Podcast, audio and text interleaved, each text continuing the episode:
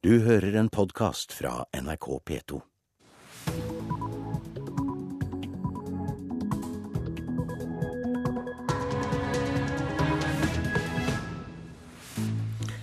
Vel møtt til P2s Nyhetsmorgen. Her i studio, Øystein Heggen. Nå klokka 6.30 onsdag 10. april har vi disse hovedsakene. Den norske islamisten Arfan Bhatti skal være pågrepet av pakistansk sikkerhetstjeneste. Folk tvangssendes til tortur, mener Helsingforskomiteen, som kritiserer norske utlendingsmyndigheter. Seksåring skutt av fire år gammel lekekamerat i USA. Myndighetene er for slappe med kontrollen av Ryanair, mener SAS. Frykter at norsk luftfart kan bli rasert. I Norge så har vi faktisk verdens beste luftfartssystem. Og skal dette få bre om seg, så vil dette raseres hvis flyselskapene ikke skal betale skatter og avgifter, og heller ikke lønne de ansatte på et nivå som de kan leve av. Knut Morten Johansen var det, informasjonssjef i SAS. Den norske islamisten Arfan Bhatti skal ifølge VG være pågrepet av pakistansk sikkerhetstjeneste. Bhatti ble meldt savnet i januar i år. Ifølge VGs opplysninger holdes Bhatti i forvaring på et ukjent sted. Arfan Bhatti skal ha blitt pågrepet av sikkerhetsagenter i grenseområdet mellom Pakistan og Afghanistan tidligere i år. Sentralt plasserte norske etterretningskilder bekrefter dette overfor VG. Bhattis advokat, Jon Christian Elden, sier at han har hørt rykter om det samme. Bhatti dro til Pakistan og de farlige grenseområdene mot Afghanistan i fjor høst. Han har vært savnet av familien lenge, og norsk politi har etterlyst ham gjennom Interpol. Sikkerhetstjenesten i Pakistan er kjent for å behandle mange av sine fanger svært brutalt. Bhatti kan derfor ha blitt utsatt for tortur, ifølge leder Helge Lurås ved Senter for internasjonal og strategisk analyse. Men de kan også behandle ham pent hvis de mener Bhatti kan komme med viktig informasjon, sier Lurås til VG. 36 år gamle Arfan Bhatti er medlem av den islamistiske gruppen Profetens Umma. Han er straffedømt åtte ganger, bl.a. for knivstikking og skyting. I 2008 ble han funnet skyldig i medvirkning til skyting mot Det mosaiske trossamfunnet i Oslo. Sa reporter Hans Jørgen Solli. En seks år gammel gutt fra New Jersey i USA ble skutt og drept av sin fire år gamle lekekamerat i natt. Barna lekte sammen da den yngste gutten gikk inn og hentet en 22 kalibers rifle som han ved et uhell skjøt vennen med. Jeg er sint på faren som hadde våpen i huset, sier en nabo etter drapet som nå ryster Toms River i delstaten New Jersey i USA. Nok en gang settes det fart i debatten om liberale våpenlover i landet, etter at en fire år gammel gutt altså er i stand til å ta livet av en lekekamerat. Hvordan våpenet gikk av er foreløpig uklart, men etter å ha lekt sammen foran huset, gikk yngstemann inn og hentet våpenet. Kort tid senere var seksåringen truffet i hodet. Moren i huset ringte nødnummeret, gutten ble i all hast fraktet til sykehus, men livet hans sto altså ikke til å redde. Really I mean, is, you know, I mean, it's, it's dette er vanskelig å forholde seg til. Det skulle ikke ha skjedd. Det er forferdelig, sier den drepte guttens onkel. Politiet etterforsker nå saken, og ville foreløpig ikke kommentere om mannen som eide våpenet, hadde lisens for det. Utenriksmedarbeider Espen Aas. En av de viktigste grenseovergangene mellom Kina og Nord-Korea er stengt for turistgrupper, opplyser en kinesisk tjenestemann. Grensen skal fortsatt være åpen for forretningsfolk. Og Sør-Korea har oppjustert den militære overvåkningen fra nivå 3 til nivå 2. Mer om konflikten på den koreanske halvøya etter klokka sju her i Nyhetsmorgen. Helsingforskomiteen mener utlendingsmyndighetene er så strenge at asylsøkere tvangssendes hjem til tortur. NRK har gjennomgått de siste 100 sakene der utlendinger som har fått utvisningsvedtak, har saksøkt Utlendingsnemnda. Hele 40% vinner fram med sakene sine. Det bør bekymre Utlendingsnemnda, mener assisterende generalsekretær i Helsingforskomiteen Gunnar Ekeløve Slydal. Ja, Det må jo være et ubehagelig høyt tall for UNE. Eh, og det må også fortelle at eh, UNE er veldig restriktiv i sin tolkning av regelverket. NRK har gått gjennom de 100 siste kjennelsene fra Oslo tingrett. I 40 av sakene vant saksøker fram, enten ved rettskraftig dom eller ved at Utlendingsnemnda gjorde om utvisningsvedtaket før saken gikk til doms. Det viser at systemet fungerer, mener direktør i Utlendingsnemnda Ingunn Sofie Aursnes. Ja, det vil jeg si. Eh, jeg ville være mer bekymret hvis alle vedtakene våre ble bekreftet i domstolen. Da ville jeg stille spørsmålstegn ved rettssikkerheten. Advokat Jostein Løken fra Elverum har det siste året vunnet flere utvisningssaker i Oslo tingrett.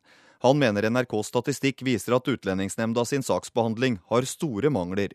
Det forteller at uh, saksbehandlingen uh, i dette forvaltningsorganet ikke er uh, god nok. Det er mangler i forhold til at man ikke lar parten få forklare seg. Det er mangler ved utredningene, det er mangler ved begrunnelsene, det er mangler i forhold til landkunnskap. Det er det helt grunnleggende, de feilene som vi ser går igjen i sak etter sak. Det er ikke uvanlig at man kommer til andre resultater når man har et stort skjønnsrom. Det betyr det at innenfor et rom som regelverket setter opp, så kan man komme til ulike vurderinger. Helsingforskomiteen mener Utlendingsnemnda sin saksbehandling grenser mot det ulovlige. Vi har sett i enkeltsaker at personer har blitt sendt tilbake og havna i Tsjetsjenia, hvor de har blitt torturert på nytt. Og Det er faktisk et lovbrudd. Da mener vi at man ikke har tatt nok hensyn til risikoen. Advokat Jostein Løken har vunnet saker på vegne av klienter han mener ville vært i livsfare dersom de hadde blitt sendt hjem. Dette er mennesker som befinner seg i en ekstrem situasjon fordi at eh, myndighetene i landet vil eh, drepe dem eller eh, torturere dem, pågripe dem, presse opplysninger ut av det. Utlendingsnemnda mener NRKs statistikk viser at saksområdet er preget av skjønn, at jussen er komplisert. Det er et skjønnsrom i disse sakene hvor retten kan komme til et annet resultat enn det UNE har kommet til. Jurister er uenige. Det er det jurister lever av. Helsingforskomiteen har fulgt rundt 50 avslagssaker tett de siste åra. De liker ikke det de ser. Jeg tror at det er et press på systemet for å være veldig restriktiv. Det er det som er på en måte tidsånden her i Norge i dag. Ehm, vi skal for enhver pris unngå at noen kommer inn eh, under falsk flagg. Men vi må ikke bli så strenge at vi, eh, at vi eh, sender folk tilbake til tortur og undertrykkelse. Og det var Tom Håkenstad som hadde laget dette innslaget. Politiet har registrert mindre kriminalitet i Oslo. Antall lommetyverier i hovedstaden falt med 26% første kvartal i år. Det er en oppsiktsvekkende reduksjon, sier politimester Hans Sverre Sjøvold til Aftenposten. Også antall grove tyverier går kraftig ned i eh, Oslo. Så til det avisene skriver i dag. Folk er livredde for å miste jobben, sier tidligere ansatte som saksøker Ryanair. Dagens Næringsliv gjengir kabinansattes arbeidskontrakter. Hvorfor har ikke norske barn det best i verden, er spørsmålet Aftenposten stiller. Norge topper ingen av listene over barns levekår i rike land, bl.a. for boforhold, miljø, helse og trygghet.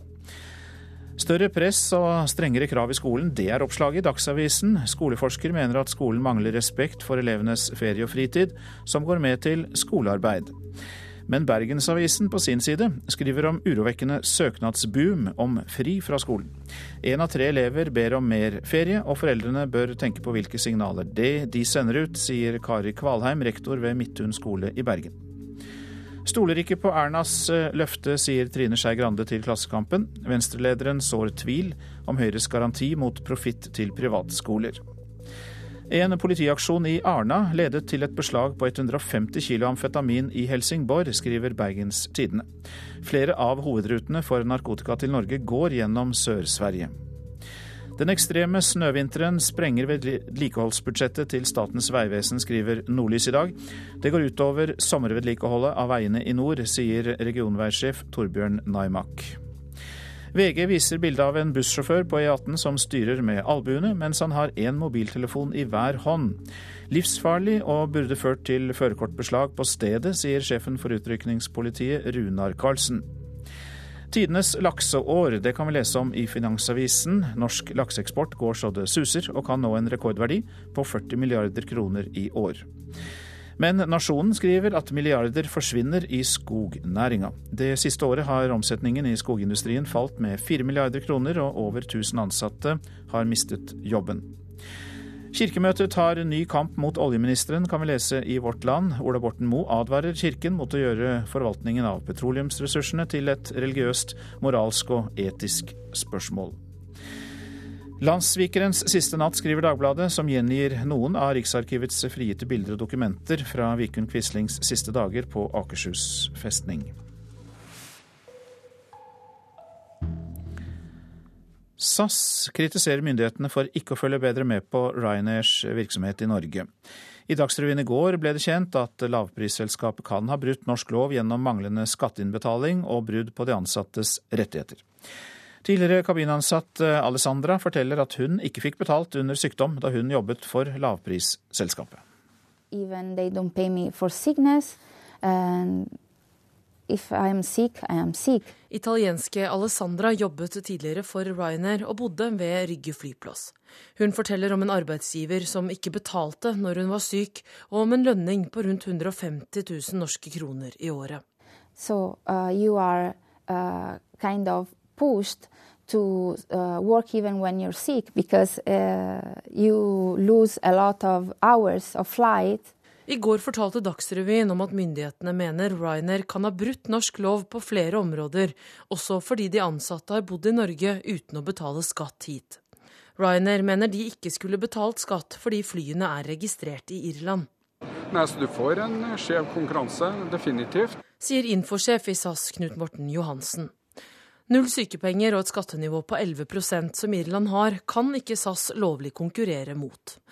Norske myndigheter har ikke grepet inn til nå, og Johansen mener dette kan ødelegge den norske luftfarten. I eh, Norge så har vi faktisk eh, verdens beste luftfartssystem. Og skal dette få bre om seg, så vil dette resterres hvis flyselskapene ikke skal betale skatter og avgifter, og heller ikke lønne de ansatte på et nivå som de kan leve av. Statssekretær Geir Pollestad i Samferdselsdepartementet sier de vil se på saken. Vi ønsker en sterkere innsats eh, for å få klarlagt hva handlingsrommet i det hele har, i en næring som er stadig mer eh, internasjonalisert. Så det er bra at eh, en av bransjeaktørene kommer på banen og, og er opptatt av disse tingene. For det er like konkurransevilkår. De blir jo utkonkurrert? Ja, og det er derfor det er viktig å sikre eh, like konkurransevilkår. Men SAS syns at myndighetene kommer altfor sent på banen. Altså, vi har savna at man ikke har reagert, for de har vært ganske kjent eh, nå i over to år i hvert fall. For de fleste at det er en ganske stor kreativitet knytta til bekvemmelighetsbaser og, og litt sånn lyssky virksomhet i forhold til hvor man skal skatte osv.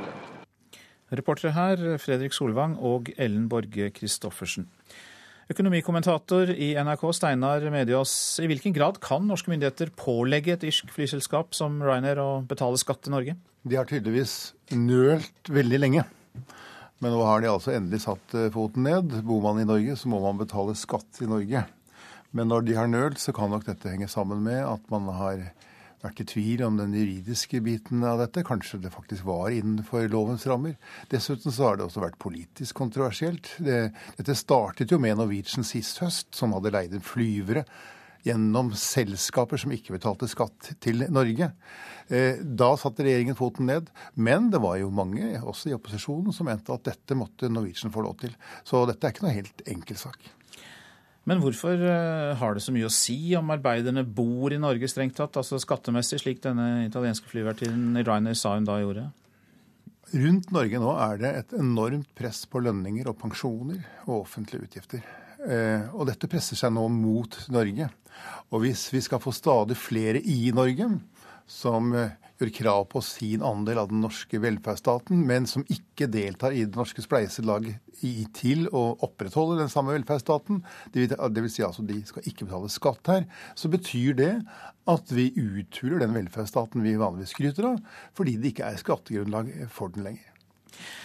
Vi eh, har jo også hørt at eh, det er eh, strid om, og det går vel også mot rettssak om flybesetningenes rettigheter. altså Da snakker vi om sykepenger og minstelønnsordninger. Eh, altså Ryanairs eh, vilkår på dette området. I hvilken grad kan norske myndigheter kreve at de følger norske normer? Jeg tror de må rydde opp i dette. Og jeg er redd for at dette bare ikke dreier, det kan ikke bare dreie seg om Ryanair. Det er vel antakeligvis derfor de nøler så lenge. Eh, og når SAS reagerte, så var det kanskje fordi at SAS nå til syvende og sist kanskje var det eneste selskapet som opererer i Norge, og som har ansatte som betaler skatt til Norge. Og det kan ikke fortsette. Og hvis dette er en skattemodell som siger inn på mange områder, f.eks. gjennom entrepriser som vinner frem i Norge, og jeg så nettopp en oversikt over at, av 14 entrepriser hvor, som, hvor utlendingene hadde deltatt, så har de vunnet 12 av dem. Og hvis dette også fører til at man ikke betaler skatt i Norge, men vinner frem i det norske arbeidsmarkedet, så har nordmenn gjort seg for dyre for sitt eget land. Og det betyr i neste runde at vi får økt arbeidsledighet, og vi får en velferdsstat som forvitrer. Det dreier seg om langt mer enn flyselskaper? Absolutt. Det dreier seg om den nordiske modellen som vi skryter av. Og eh, hvis dette hadde fått lov til å vinne frem, så kan vi skryte av, han har sagt. Det kan vi selvfølgelig ikke gjøre, men da kan vi se at den norske velferdsmodellen blir sakte, men sikkert nedbygd. Hvordan håndterer andre lands myndigheter skattlegging av eh, Ryanair, for de er jo overalt i Europa? De er overalt i Europa, og jeg er ganske sikker på at et så internasjonalt selskap som Ryanair har brukt dyktige jurister til å designe den skattemessige rammen rundt sitt eget selskap. Så jeg vil tro at det ikke er så enkelt å kakke hull på dette. Men det er nødvendig å gjøre det, fordi det uthuler forutsetningene for det samfunnet som vi selv har bygget opp, og som nå er altså som sagt presset på alle kanter, og folk er, begynner å bli redde for jobben sin også i Norge. Mange takk for den orienteringen, økonomikommentator her i NRK, Steinar Mediås. Dette er Nyhetsmorgen, og klokka den er 6.46 der, faktisk. Vi har disse hovedsakene. Den norske islamisten Arfan Bhatti skal være pågrepet av pakistansk sikkerhetstjeneste. Myndighetene er for slappe med kontrollen av Ryanair, som vi har hørt. Det er eh, SAS som frykter at norsk luftfart kan bli rasert. Og for mange nordmenn kjører i pillerus, glemmer ofte at eh, såkalt trekantmedisin ikke skal kombineres med bilkjøring. Mer om det straks.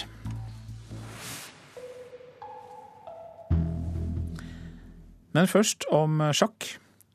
Magnus Carlsens manager Espen Agdestein er lite fornøyd med at Verdens sjakkforbund dropper budrunde og legger kampen om VM-tittelen til India, som jo er Vishy Anans hjemland. Magnus Carlsen ønsker at kampen skal gå på nøytral grunn. I prinsippet så syns jeg at eh, det burde holdes på på nøytral grunn. Det er jo tradisjonen, eh, i hvert fall i det siste, og det er det som virker mest fair for meg, da. Det er i november regjerende verdensmester Vishni Anand og Magnus Carlsen skal møtes i VM-kamp. Det internasjonale sjakkforbundet ønsker å arrangere kampen i Chennai i India, samme delstat som inderens hjemby. Det uvanlige denne gangen er at de har hoppet over budrunden, sier manager Agdesten. Vi, vi syns det er litt rart, det. Det er jo normalt at man snakker sammen og prøver å finne en løsning som er god for alle parter. India fikk ikke den forrige VM-kampen, derfor har de opsjon denne gangen. Det sier Nigel Freeman i Det internasjonale sjakkforbundet. When they didn't get the match in 2012, they were uh, allowed to uh, have an option of the match in 2013 if they wish to do so. Dersom det blir India, så blir dette temmelig spesielt for Carlsen, mener Agdesten. For oss så er det litt unormalt, og for Magnus er det litt spesielt med India. Vi vet ikke hva Det er både med klima og med forhold til uh, mat og det ene med det andre. Siste ord i stedsvalget er ikke sagt, og Carlsen er usikker på hvor mye kampstedet egentlig har å si for utfallet av kampen. Altså, Det kan jeg jo ikke si noe om da, før jeg eventuelt har, uh, har uh, sett spilleforhold og, og, sånne ting. Men uh, ja, det er, ikke, det er ikke godt å si. Ja, det sa VM-utfordrer Magnus Carlsen til reporter Pål Thomassen. Venstre må slåss med Høyre om velgerne i kampen for å komme over sperregrensen. Norstats partibarometer for NRK viser nemlig at nesten hver femte venstrevelger fra forrige stortingsvalg vil stemme på Høyre. Det, de stemmene vil venstreleder Trine Skei Grande ha tilbake. Jeg har aldri gledet meg sånn til et valg som jeg har gjort dette her. Drømmen er å sitte i regjering sammen med Høyre og KrF. Men på meningsmålingene slåss Venstre med sperregrensen. Og ifølge Norstats partibarometre for NRK sier altså nesten hver femte venstrevelger fra forrige valg at de vil stemme Høyre. Utfordringa er det pedagogiske å forklare velgerne på forskjellen, og hva de får hvis de får stemme, stemme på Venstre. At de da får en helt annen miljøpolitikk, velferdspolitikk og skolepolitikk enn hvis bare Høyre skal stelle alene. Ja, Venstre-leder Trine Skei Grande til reporter Katrin Hellesnes. I fjor ble det omsatt eh, såkalt eh, trekantmedisin for 1,1 milliarder kroner. Medisin som påvirker sentralnervesystemet er merket med en varseltrekant for å gjøre folk oppmerksomme på at de ikke skal kombinere medisin med bilkjøring. Over to millioner nordmenn bruker slike medisiner, men altfor mange glemmer at de ikke kan kjøre bil i pillerus. Vi vet at 45 om lag av de som dør i trafikken er påvirket av et eller annet rusmiddel. Flesteparten er dessverre rusa på medikamenter som er skrevet ut av lege. Det sier Jens Christian Bekkensten, som jobber med forebyggende arbeid hos Fylkesmannen i Oppland. Ferske tall fra Reseptregisteret viser at 2,1 millioner nordmenn brukte såkalt trekantmedisin i fjor. Dvs. Si smertestillende medisin, sovemidler og beroligende midler som alle har varselstrekant på pakken. Varseltrekanten betyr at kjøreevnen er redusert, og at man må være forsiktig med å kjøre bil. Vi sitter i bilen til Bekkensten på Lillehammer. Og det er ikke langt mellom de som kjører i pillerus. Eh, man kan kjøre så forsiktig man bare vil sjøl, men man veit jo aldri hvem man møter rundt neste sving. Hvis vi kjører til Hamar f.eks., så vil vi eh, statistisk sett møte 68 personer som er så rusa at de ikke skulle vært ute i trafikken. Det syns jeg er ganske skremmende. Eller sagt på en annen måte, hver hundrende bil har en rusa sjåfør. Må jeg, si, jeg håper jo inderlig at vedkommende har vett på å la bilen stå og at de kjenner risikoen ved å, ved å kjøre når de har uh, disse medisinene i kroppen. Sier apoteker Marianne Nordberg på Vitusapoteket i Nymosvingen i Lillehammer. I fjor ble det omsatt smertestillende medisin, sovemedisin og beroligende medisin for 1,1 milliarder kroner i Norge, viser tall fra Reseptregisteret til Folkehelseinstituttet. En av trekantmedisinene er en hostesaft man får på resept. Når pasientene kommer med resept på denne, passer apotekeren på, selv om det ikke står konkret at bilkjøring er forbudt med trekantmedisin. Det er en medisin som mange av oss bare har sporadisk eh, kjennskap til, og bruker korte perioder. Og da informerer vi, jeg tør nesten si alltid, om at de skal være forsiktige med å kjøre bil. Ja, hva betyr forsiktig med å kjøre bil? Ja, det, det det betyr jo at de, de, må, de, må, gjøre en vurdering på det, om de absolutt må ut og kjøre bil, og om det, om det, da, er en, om det da er forsvarlig. Eh, for som du sa i stad, det står ikke noe entydig i pakningsvedlegget om at de skal unngå det. det. Det må bli en vurdering. Reporter her var Geir Rød. Antirasistisk Senter reagerer på bladet Vi Menns bruk av ordet neger. I sin påskeutgave trykket Vi Menn en tekst med tittelen 'Jesus var neger', Thomas Prestø, rådgiver i Antirasistisk Senter, reagerer på bruken av det omstridte ordet. Det handler ikke om hårsårhet og en manglende rundhet i kantene i forhold til at ordet blir brukt. Det handler om at personer som er voksne og oppegående og reflekterte, velger å være respektløse. Det sier rådgiver i Antirasistisk Senter, Thomas Prestø. Han reagerer på bruken av ordet neger i bladet Vi Menns påskeutgave. Flere fra det norsk-afrikanske miljøet i Norge har også reagert på bruken av dette ordet, og kontaktet redaktøren. Verdens raskeste mann, Usain Bolt, er en fantastisk flott neger med lynkjappe muskler fordelt på nesten to meter. Men Jesus var nok ikke en slik flott neger. Dette var et utdrag av teksten som har vakt reaksjoner. Redaktør i Vi Menn, Alexander Øystå, forteller hva teksten handler om. Selve kåseriet handler jo om at Jesus var neger og 1,40 høy. Grunnen til at han eh, lå i tre dager, var at han var fyllesyk etter et uh, fylleslag. Øystå understreker at han kun er for bruken av ordet neger i veldig få tilfeller, men forklarer hvorfor han mener det var greit i dette tilfellet. Det er uh, gjort uh, som et stilistisk middel for å skape oppmerksomhet, for å få folk til å stoppe opp, og for å få folk til å lese denne humoristiske petien.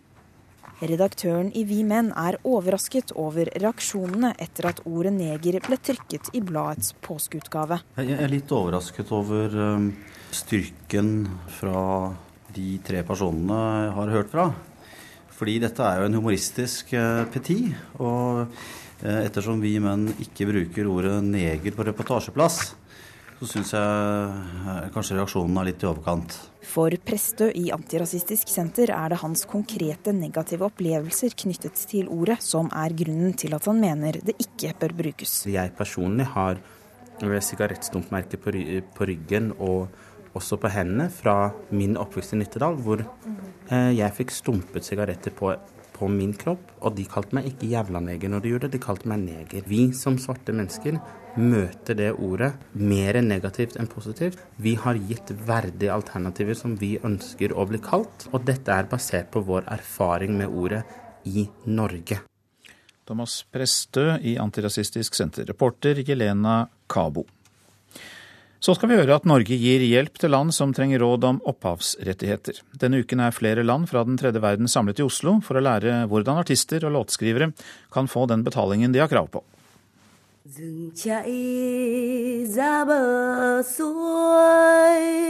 My name is Tato Mokobi. I'm from Khaburoni in Botswana. Hello, uh, my name is Thuy. I'm come from Vietnam. Hi, I'm Paulette Benjamin. I'm from Barbados. Uh, my name is uh, Maurice Okot. I come from Kenya and very happy to be here in the cold Norway. Musikkrettighetsorganisasjoner fra seks forskjellige land er samlet i Oslo for å lære om digitale musikkmarkeder. Det er opphavsrettsorganisasjonen Tono og organisasjonen Norkode som jobber for å bygge kulturell infrastruktur i utviklingsland, som arrangerer kurset. Hei, mitt navn er Ingrid Lise Mei. Avdelingsdirektør i Tono. Hei, jeg heter Frode Løvik. Direktør for Norkode. Eh, Norge er som kjent eh, i forkant på lisensiering av eh, nye medier. Vi har utrolig gode resultater nå. Så vi prøver å dele vår kunnskap og kompetanse med, med våre søsterselskaper i, i, andre land. Hva er det de trenger hjelp til? Altså, de trenger jo hjelp til å komme videre i det å bygge sin egen organisasjon. Akkurat på online-området så, så, opplever vi vel at det, det, er stort sett de samme problemene som de står overfor. For vi befinner oss i en verden som for så vidt er blitt global, som vi sier, og, og, da, og, da, jobber folk med mye av de samme utfordringene. Når store digitale aktører som f.eks. Google banker på døra, skaper det utfordringer for land som ikke har et utviklet nok system for å sørge for at de som lager musikken, faktisk får betalt for avspillinger på nett. Hun som synger i bakgrunnen, er vietnamesiske Tui, som representerer musikeres og låtskriveres rettigheter i hennes hjemland. Hun er også sanger. Uh, no, I'm not singer. I'm, I'm, I'm a lawyer. Å oh, ja. OK. Men I can sing, yes. Do you think maybe we can, I, we can listen to some of your singing? Yeah. Những lời xuôi mãi vang lời tình yêu. So nice. Yeah, thank, thank you. you. I'm so nervous. a no, little nervous. beautifully. Yeah. Yeah, that was really. What, what's what's beautiful in Vietnamese? Đẹp. Đẹp. Đẹp. Yes, đẹp. That was very đẹp. Oh, thank you. Yes, thank you. Den reportasjen var laget av Eivind Våge. Værvarselet nå. Fjell i Sør-Norge. Pent vær, men noe mer skyet fra i ettermiddag. Muligheter for spredte snøbyger i sør. Østlandet og Telemark stort sett pent vær, men utpå dagen mulighet for spredte snøbyger. Agder får for det meste opphold og sol i dag. Fra i ettermiddag østlig liten kuling omkring Lindesnes. Vestlandet sør for Stad får også pent vær. Fra i ettermiddag tilskyende fra sør, riktignok. Møre og Romsdal og Trøndelag opp i liten kuling på kysten i nord og stort sett pent vær. Helgeland, Saltfjellet og Sørsalten sørlig liten kuling, i nord stiv kuling. Skyet, lengst sør til dels pent vær. I ettermiddag enkelte sluddbyger på kysten, men etter hvert eh, pent vær. Så går vi nord til eh, Nordsalten, Ofoten, Lofoten og Vesterålen. Der blir det sørlig stiv kuling. Utpå dagen dreier den sørvestlig. Seint i kveld minkende til liten kuling i sør. Det blir enkelte snøbyger og sluddbyger i dette området. Troms i formiddag øking til sørlig stiv kuling. I kveld eh, dreiende sørvestlig. Enkelte sludd- og snøbyger vesentlig ytre strøk. Kyst- og fjordstrøkene i Vest-Finnmark sørvestlig periodevis stiv kuling, enkelte snøbyger, vesentlig i kyststrøkene. Finnmarksvidda opphold og perioder med sol. Øst-Finnmark delvis skyet oppholdsvær. Fra utpå dagen sørvestlig liten kuling, forbigående enkelte snøbyger på kysten i nord. Nordensjøland på Spitsbergen delvis skyet oppholdsvær. Så tar vi temperaturene klokka fem. Svalbard minus 19, Kirkenes minus 14, Varde minus 5. Alta minus 11, Tromsø minus 1 grad, Bodø minus 3. Brønnøysund 0, Trondheim minus 5, Molde minus 4, Bergen minus 2, Stavanger 0, Kristiansand minus 2, Gardermoen minus 7. Lillehammer minus 6, Røros minus 22 og Oslo-Blindern minus 3 grader, og det var altså klokka fem i natt. Du hører en podkast fra NRK P2.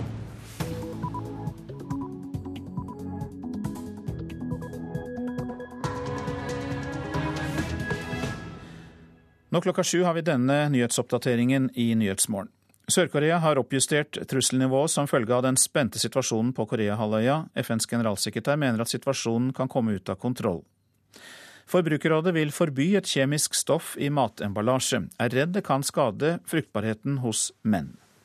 Jeg mener at myndighetene i Norge nå bør ta tak i denne saken og gjøre det samme som Frankrike og gjennomføre et totalforbud. Randi Flesland, direktør i Forbrukerrådet. Den norske islamisten Arfan Bhatti skal ifølge VG være pågrepet av pakistansk sikkerhetstjeneste.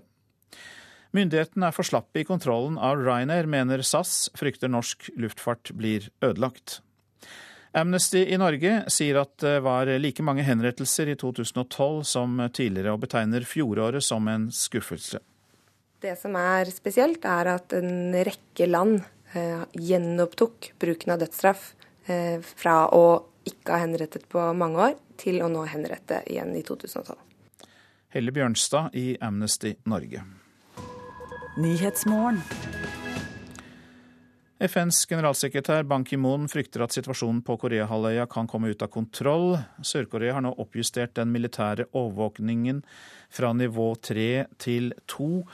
Asia-korrespondent Anders Magnus, du er i Sør-Korea. Hva innebærer det at overvåkningsnivået er justert opp? Det betyr at de kommer til å gjennomføre mer intens overvåkning av det som skjer i Nord-Korea. De har innkalt eh, en rekke uh, flere etterretningspersonell uh, som skal hjelpe dem med det. Og dette er et nivå som er den neste før full krig. Så det er klart at de sørkoreanske militære nå vurderer at det kan være fare for enten et angrep eller i hvert fall en utskyting av en eh, rakett fra Nord-Korea. Det er altså rakett som oppfattes som den fremste trusselen. Er det først og fremst det disse overvåkerne i Sør-Korea skal eh, undersøke nå i timene og dagene fremover? Ja, pluss at de skal selvfølgelig også se om det er noen troppebevegelser på land. Det er jo først og fremst det som vil eh, gi noen signaler om eh, nordkoreanerne forbereder seg til en omfattende krigføring.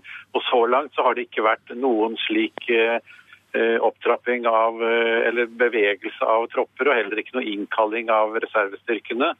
Men det man frykter kan skje nå, er at Nord-Korea fyrer av noen av disse Mosodan-rakettene, som flere av dem skal være utplassert og klare til utskyting. Og hvor de skyter dem, det er det ingen som vet. Statssekretær i Utenriksdepartementet Torgeir Larsen er fortsatt i Sør-Korea. Hva har han eh, foretatt seg i dag? I dag har han vært, på, eh, i, har han vært i den demilitariserte sonen hvor jeg var sammen med han. Der var det nokså stille og rolig, og spesielt eh, fordi Nordkoreanerne har jo nektet å kommunisere med sørkoreanerne eller med amerikanerne, som jo styrer mye i denne sonen.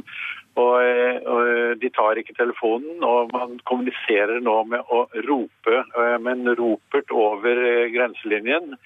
Og Det var også veldig spesielt der at uh, nordkoreanerne driver med en slags uh, psykologisk terror med å sette på flombelysning inn på den sørkoreanske siden av grensen eh, når det blir mørkt, eh, i et forsøk på å sjenere de eh, troppene som er på den siden. Du har vært i Sør-Korea noen dager nå. Hva er ditt inntrykk av folks holdning til denne truende situasjonen?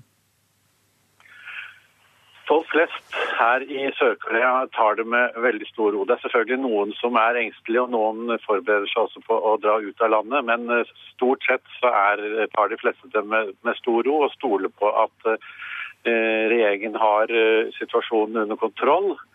Eh, og de er nok mye roligere enn f.eks. folk kanskje i Norge, USA og Europa.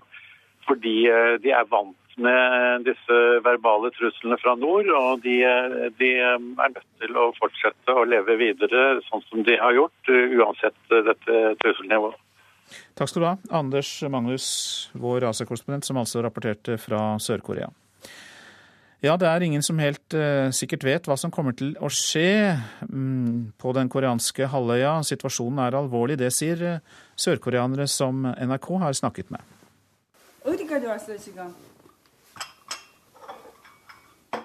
Det dekkes på bordet i et hus på Tananger. De møtes jevnlig, medlemmene i det koreanske samfunnet i Stavanger. I dag venter Myong-hee fem andre gjester. Over kaffekoppen diskuteres ofte situasjonen i hjemlandet Sør-Korea. Det er samstemt at vi opplever noe farligere. Det er nå kommet eh, nye ledere i Nord-Korea som som har kanskje ikke veldig mye politisk erfaring, men han vil vise, vise overfor folkene deres hva han kan. Det sier Hye Gyong. 49-åringen har bodd i Norge de siste 26 årene. Trusselen fra nabolandet har aldri vært større enn nå, mener hun og de fem andre rundt bordet. Gyong, som de andre venninnene, frykter for deres familiers sikkerhet i hjemlandet dersom et eventuelt angrep skulle skje. Hele familien hvor det er ja, mange søsken og min egen datter som har norsk, som er der, studerer der. Er dere bekymra? Hvis de gjør det noe, og så skal det, så, så Det kan skje, det, virkelig. Fordi det har skjedd tidligere. Selv om Sør-Korea kan gjengjelde, og når et liv blir tatt, det syns jeg er for, for mange. Ikke sant? Sånn tenker jeg da.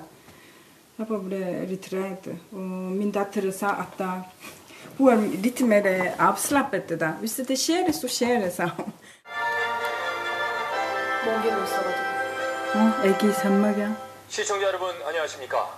Selv om venninnegjengen daglig har kontakt med familien i hjemlandet, er koreanske nyheter alltid en del av hverdagen. Daglig følger de spent med på hva som rapporteres fra den sørlige delen av Koreahalvøya. Hva framtiden vil bringe, er det ingen som tør å tenke på.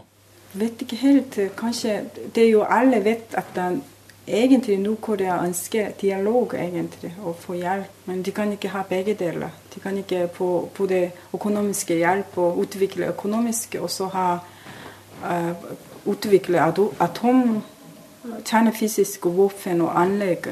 Men trusselen, den, den er det? Ja, trusselen er der.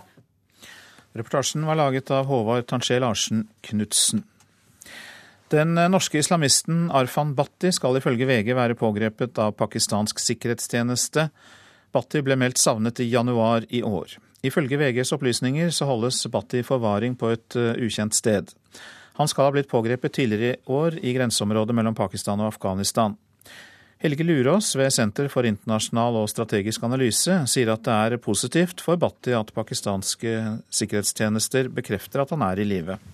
Det er i utgangspunktet, som jeg leser, et godt tegn for Bhatti at dersom det stemmer at pakistanske myndigheter nå tilkjennegir at de har, at de har ham i forvaring, det betyr i hvert fall ikke at han er så, er så sannsynlig at han simpelthen vil forsvinne som en del andre personer nok gjør i, i, Pakistan som sådan. Er det sannsynlig at norske myndigheter nå ber om en utlevering?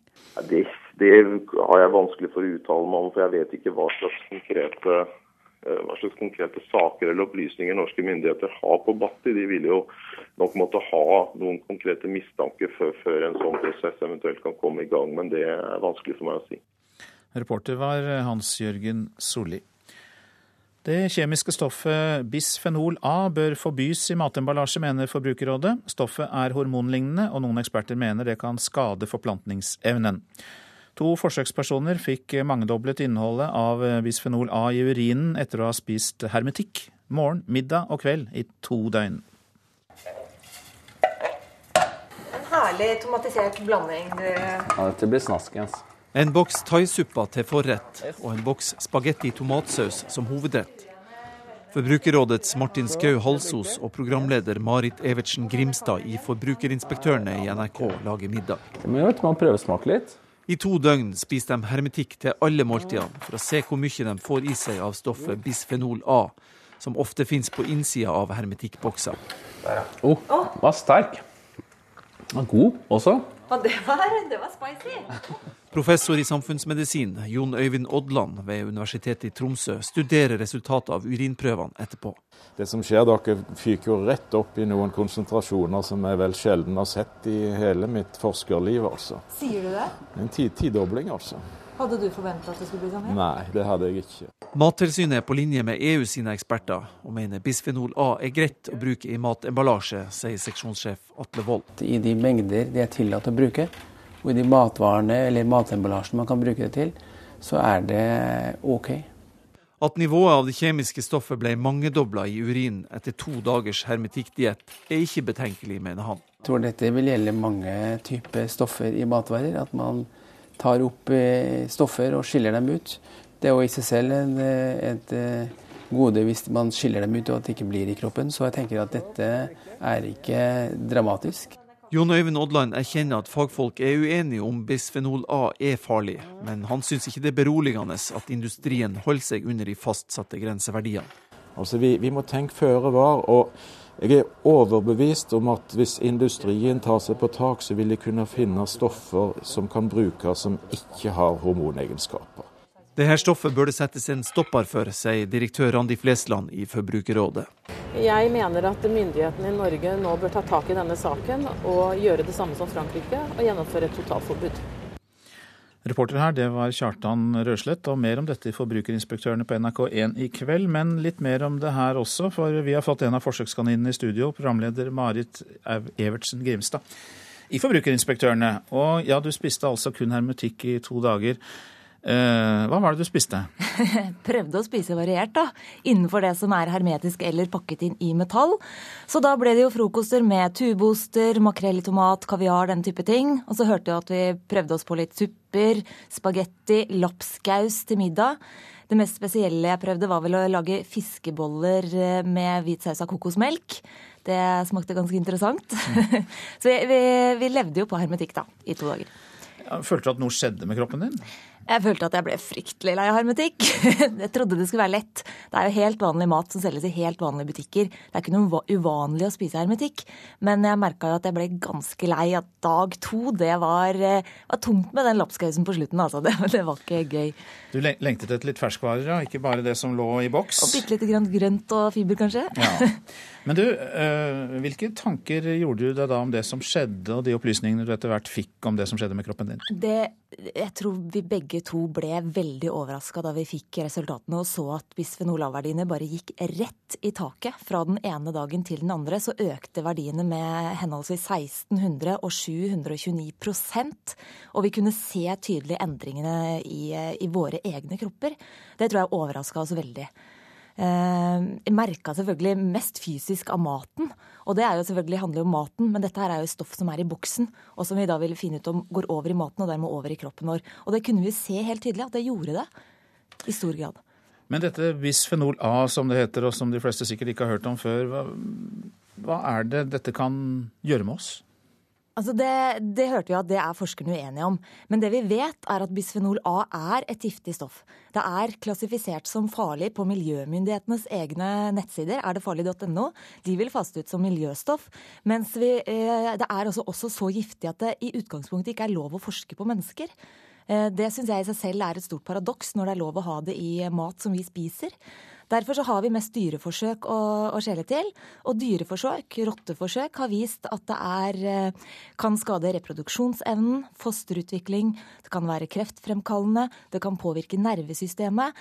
Det er såpass mange betenkeligheter som knyttes til det stoffet, at det er ganske underlig at det er lov å ha det i, eh, i matemballasje.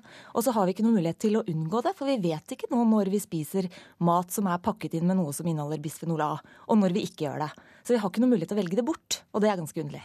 Men så hørte vi her at eh, myndighetene ikke er så bekymret at uh, man uh, spiser det, og så går det ut av kroppen igjen. Og så er det jo ikke alle som sitter og spiser hermetikk i to dager, sånn som dere gjorde, eller flere dager. Heldigvis gjør ikke folk det. Men det er jo nettopp det at det er jo helt vanlig mat som vi kjøper i helt vanlige butikker, og vi kan ikke velge det bort.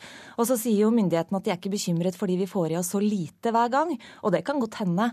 Men man kan jo lure på hvorfor det, vi skal ta sjansen. Hvorfor man skal ta sjansen på å utsette oss for dette hvis det ikke er nødvendig. Og Det har også våre seere spurt oss om og lurt på, og derfor velger vi å ta det opp som stoff, eller som en reportasje, og som noe som vi ser nærmere på i Forbrukerinspektøren i kveld. I kveld på NRK1. Marit eh, Evertsen Grimstad, hjertelig takk for at du tok veien innom Nyhetsmorgen. Ja, nå er klokka straks kvart over sju, og vi har disse hovedsakene her i Nyhetsmorgen. Sør-Korea har oppjustert trusselnivået som følge av den spente situasjonen på Koreahalvøya. Er redd for et angrep fra Nord-Korea, at det kan være nært forestående. Den norske islamisten Arfan Bhatti skal være pågrepet av pakistansk sikkerhetstjeneste, skriver VG. Og SAS kritiserer myndighetene for å ikke følge bedre med på Ryanairs virksomhet i Norge, frykter at norsk luftfart kan bli rasert.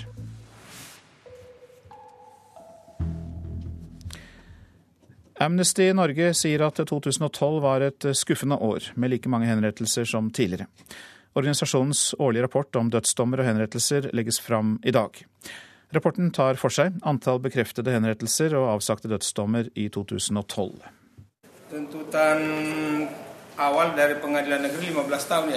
En dommer har nettopp lest opp dommen mot britiske Lindsay Sandyford i Bali, Indonesia. Sandyford ble arrestert i mai 2012 for å ha smuglet nesten fem kilo kokain inn i landet. I januar i år fikk den 56 år gamle kvinnen dødsdommen. Hun anket dommen, men på mandag ble det klart at dødsdommen blir stående. Indonesia er et av mange land som straffer narkotikasmugling og besittelse med døden. Senest i mars i år ble en nigeriansk mann henrettet ved skyting. Han var dømt for narkotikasmugling i 2004. Denne uka kommer Amnestys årlige rapport om dødsdommer og henrettelser. Amnesty i Norge sier at rapporten er skuffende. Etter en god utvikling med færre dødsdommer og henrettelser de siste årene, var det i 2012 et tilbakefall. Blant annet har flere land gjeninnført henrettelser etter en lang periode uten. Men Amnesty i Norge ser også noen lyspunkter. I USA, som har en lang tradisjon med dødsstraff, går utviklingen i riktig retning. I mange stater er det offentlige debatter og lovforslag om å ta bort dødsdom. Det blir færre dødsdommer, og flere stater har avskaffet ordningen. I Indonesia har britiske Sandyford to uker på seg til å anke saken til Høyesterett. Hvis anken går igjennom, behandles saken på nytt, og dersom den blir avvist, kan hun be om en rettslig overprøving av saken sin. Hvis ingen av disse forsøkene fører fram, så er det bare presidenten som kan omgjøre dommen. Reporter her, det var Vivian Stensrud. Helle Bjørnstad, god morgen. God morgen. Du er prosjektmedarbeider i Amnesty og har dødsstraff som eh, ditt spesialfelt. Eh, dere beskriver altså fjoråret som skuffende, som vi hørte her. Ble du overrasket da du eh, fikk disse tallene? Både ja og nei. 2012 var skuffende i den forstand at flere land gjenopptok bruken av henrettelser etter mange års opphold. Eh, disse landene fikk jo vi beskjed om i løpet av året som gikk, så det var jo ikke en, overraskelse for oss, for så vidt. Eh, men det er klart at det er skuffende at eh, det er en marginal økning i antall henrettelser på, i verden totalt.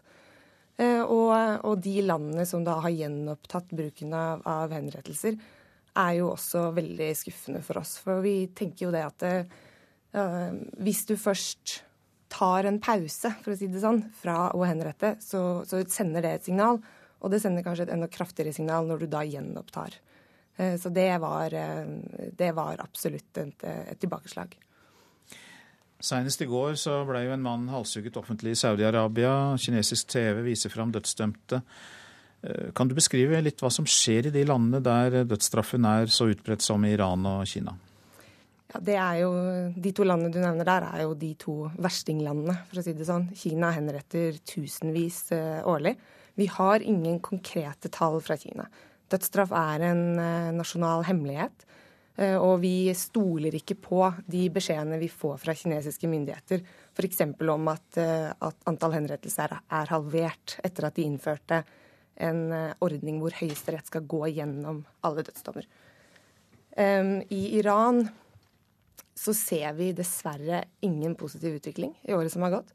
Det har vært et, et, enda et grusomt år med veldig mange gjennomførte henrettelser og en økning i antall offentlige henrettelser. Som du nevnte, Saudi-Arabia har også en stor andel offentlige henrettelser. Um, I regimer som Iran og Saudi-Arabia så er det helt tydelig at dødsstraff er et politisk våpen. De dødsdømte fangene er brikker i et større politisk spill.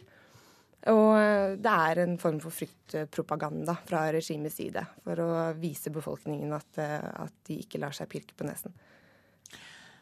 Nå kan jo man jo si at dødsstraff også er da noe kulturelt betinget. At man i eh, en del land har veldig sterk støtte for den type avstraffelse. Vi har sett det i USA. Hva tenker du om det? Ja, jeg og Amnesty generelt er litt skeptiske til opinionsmålinger om, om dødsstraff det er ofte veldig Hva skal man si Spørsmålene er veldig ladet når man spør om, om uh, dødsstraff. Og hvis, hvis det blir gitt alternativer, hvis du får spørsmål om vil du at denne personen, person X skal få dødsstraff, eller hvis livstid i fengsel er strengeste straff tilgjengelig, så velger de som oftest livstid i fengsel hvis det er tilgjengelig.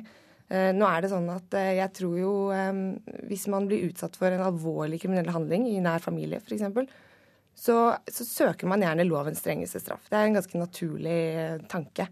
Og hvis det er dødsstraff, så er det kanskje det man, man, man higer etter. Men, men jeg, jeg syns det er farlig å si at det er kulturelt betinget, fordi, fordi det er såpass forskjellige land også som, som henretter.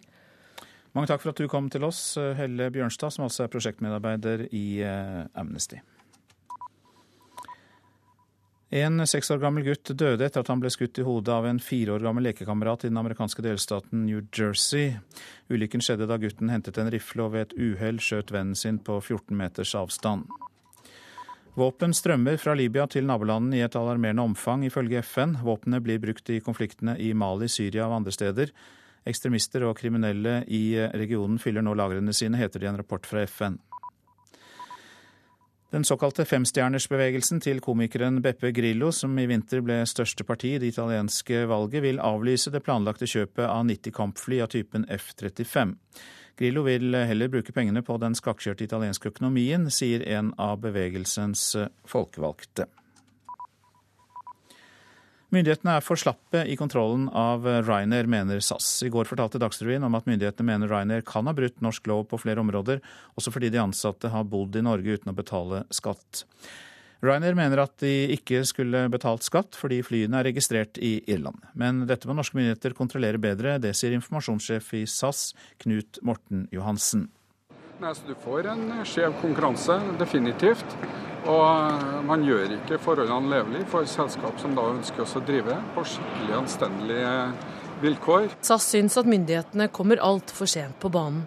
Altså, vi har savna at man ikke har reagert, for de har vært ganske kjent eh, nå i over to år, i hvert fall. For de fleste at det er en ganske stor kreativitet knytta til bekvemmelighetsbaser og, og litt sånn lyse virksomhet i forhold til hvor man skal skatte osv. Reporter Ellen Borge Christoffersen. Så det avisene skriver om i dag på førstesidene sine. Folk er livredde for å miste jobben, sier tidligere ansatte som saksøker Ryanair. Dagens Næringsliv omtaler også de kabinansattes arbeidskontrakter. Hvorfor har ikke norske barn det best i verden, er spørsmålet Aftenposten stiller. Norge topper ingen av listene over barns levekår i rike land, bl.a. for boforhold, miljø, helse og trygghet. Større press og strengere krav i skolen, det er oppslaget i Dagsavisen. Skoleforsker mener skolen mangler respekt for elevenes ferie og fritid, som går med til skolearbeid. Men Bergensavisen på sin side skriver om urovekkende søknadsboom om fri fra skolen. Én av tre elever ber om mer ferie, og foreldrene bør tenke på hvilket signal de sender ut, sier Kari Kvalheim, rektor ved Midthun skole i Bergen.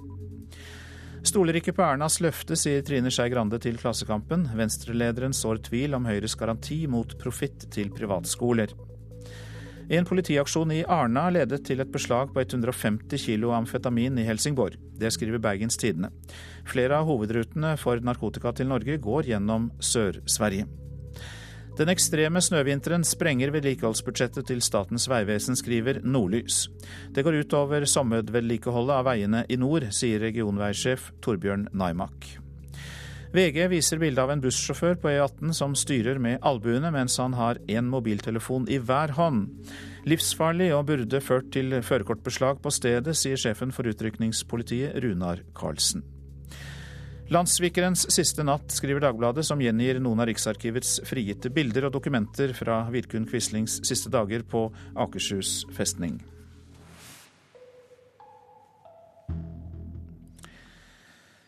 I februar ble den eh, danske islamkritikeren Lars Hedegaard forsøkt skutt i hjemmet sitt i København. Attentatforsøket har skapt ny debatt om ytringsfriheten i Danmark. Men muslimer deltar i liten grad i debatten.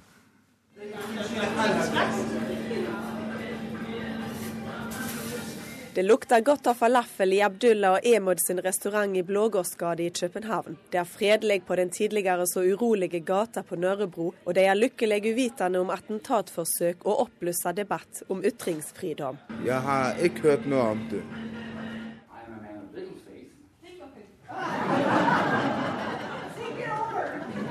En annen stad i byen er det møte i den kontroversielle foreningen Trykkefrihetsselskapet, som Lars Hedegaard er formann for. Vi er aller nådigst blitt bedt inn etter at politiet har sjekka veske og jakka. Dette er bare andre gangen Hedegaard viser seg offentlig etter attentatet. Jeg har ikke prøvd å leve under jorden før, men det blir jo dessverre den realitet som jeg tror blir mer og mer alminnelig i vårt samfunn. at Hvis du uttrykker din mening om islam, så kan du risikere å bli drept. Politiet har ennå ikke funnet gjerningsmannen, men Hedegaard sier det var en utlending, og han tror det er politisk motivert. Jeg beskrev mannen som formentlig enten araber eller pakistaner. Hvis jeg nå var involvert i bandekriminalitet, men det er jeg ikke, så jeg må nødvendigvis mene at det har å gjøre med det som jeg har sagt og skrevet. Hedegaard mener det er et sinne i Danmark over innvandrere som ikke lar seg integrere. Dette kommer ikke opp til overflata. Han vil kjempe for at det ikke gir seg utslag i høyreekstremisme og valg. Islamkritikeren let seg ikke stoppe av drapsforsøket. Det er mitt ansvar å holde fram, sier han. Jeg har ikke gjort noe galt, og jeg syns jeg har et ansvar for å fortsette. Også fordi hvis det lykkes å få meg gjort taus, hva skal man så mene om de andre som jeg håper følger etter meg? Skal de så også bli tause fordi jeg blir bange? Altså, det nekter jeg å bli.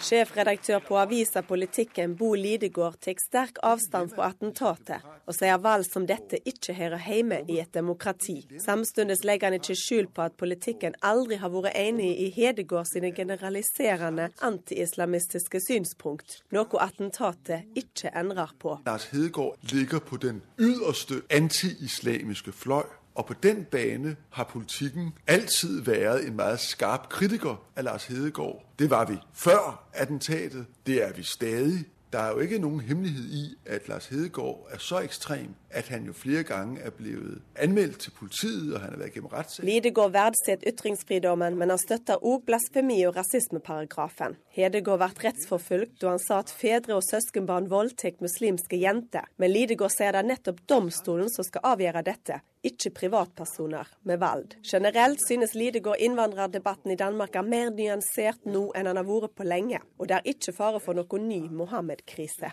Det er ikke sånn så et attentatforsøk, hva enten det er politisk motiveret eller ei, kan stoppe debatten. Heldigvis. Innvandrerdebatten har kulminert.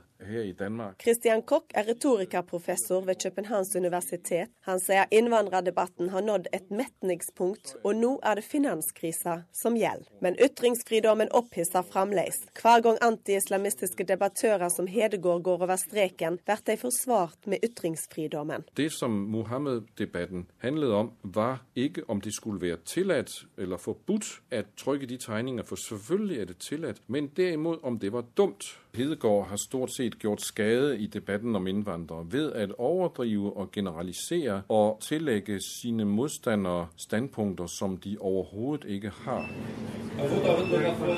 Debatten om ytringsfridommen handler om muslimer, men involverer de ikke. Emod sier det er blitt mye bedre på Nørrebro enn det var for bare to til tre år siden. Altså, det blir mye bedre enn før. Altså For to-tre år siden, den gang den lille dreien blitt skutt på Blågårdsgade. Reporter i København, Tove Gerhardsen. Etter Dagsnytt skal vi høre mer om hva russiske myndigheter mener om konflikten mellom Nord- og Sør-Korea. Og i Politisk kvarter skal vi høre om Venstres og KrFs skjebnefellesskap. Prosent for Nyhetsmorgen, Ulf Tannes Fjell. Her i studio, Øystein Heggen.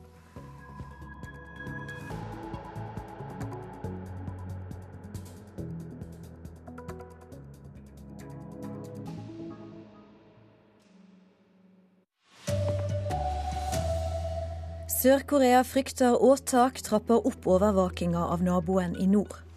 Stoff i hermetikkbokser kan gjøre menn mindre fruktbare. Og en fireåring i USA skaut og drap lekekameraten sin på sex. Her er NRK Dagsnytt klokka 7.30.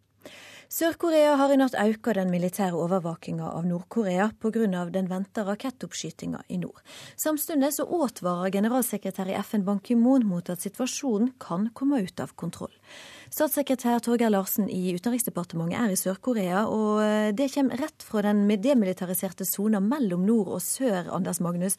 Hvordan preger den spente situasjonen grenseområdet?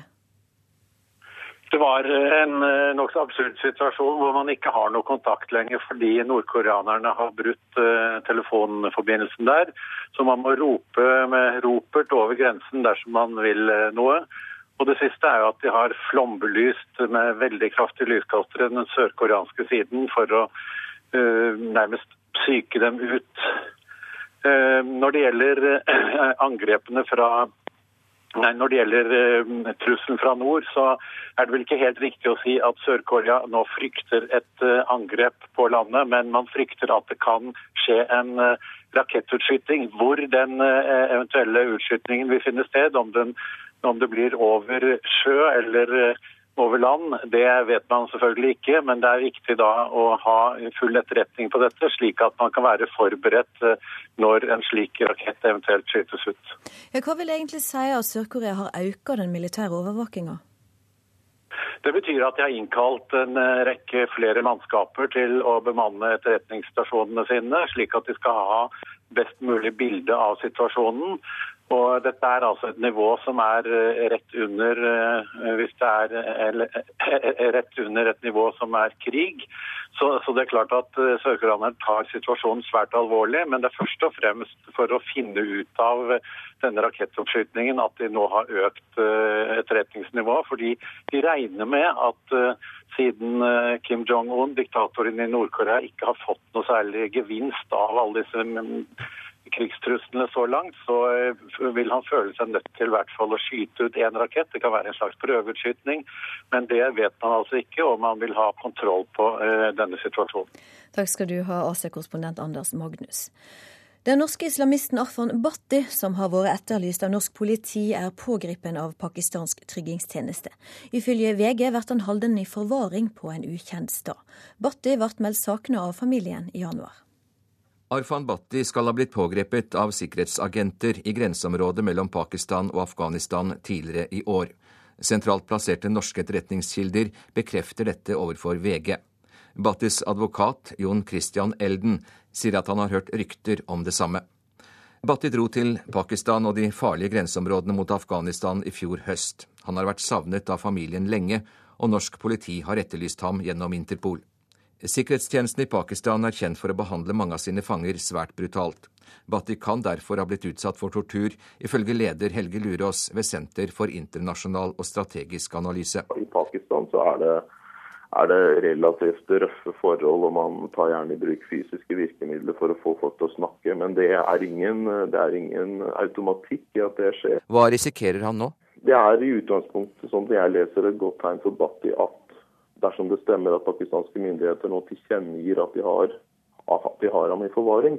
Det betyr i hvert fall ikke at han er så, er så sannsynlig at han simpelthen vil forsvinne, som en del andre personer eh, nok gjør i, i, Pakistan som sådan. 36 år gamle Arfan Bhatti er medlem av den islamistiske gruppen Profetens Umma. Han er straffedømt åtte ganger, bl.a. for knivstikking og skyting. I 2008 ble han funnet skyldig i medvirkning til skyting mot Det mosaiske trossamfunnet i Oslo. Reporter var Hans-Jørgen Solli. Det bør bli forbudt å bruke det kjemiske stoffet bisfenol A i matemballasje, mener Forbrukerrådet. Stoffet er hormonliknende, og noen eksperter mener at det kan skade forplantningsevna. To forsøkspersoner fikk mangedobla innholdet av bisfenol A i urinen etter å ha ete hermetikk morgen, middag og kveld i to døger.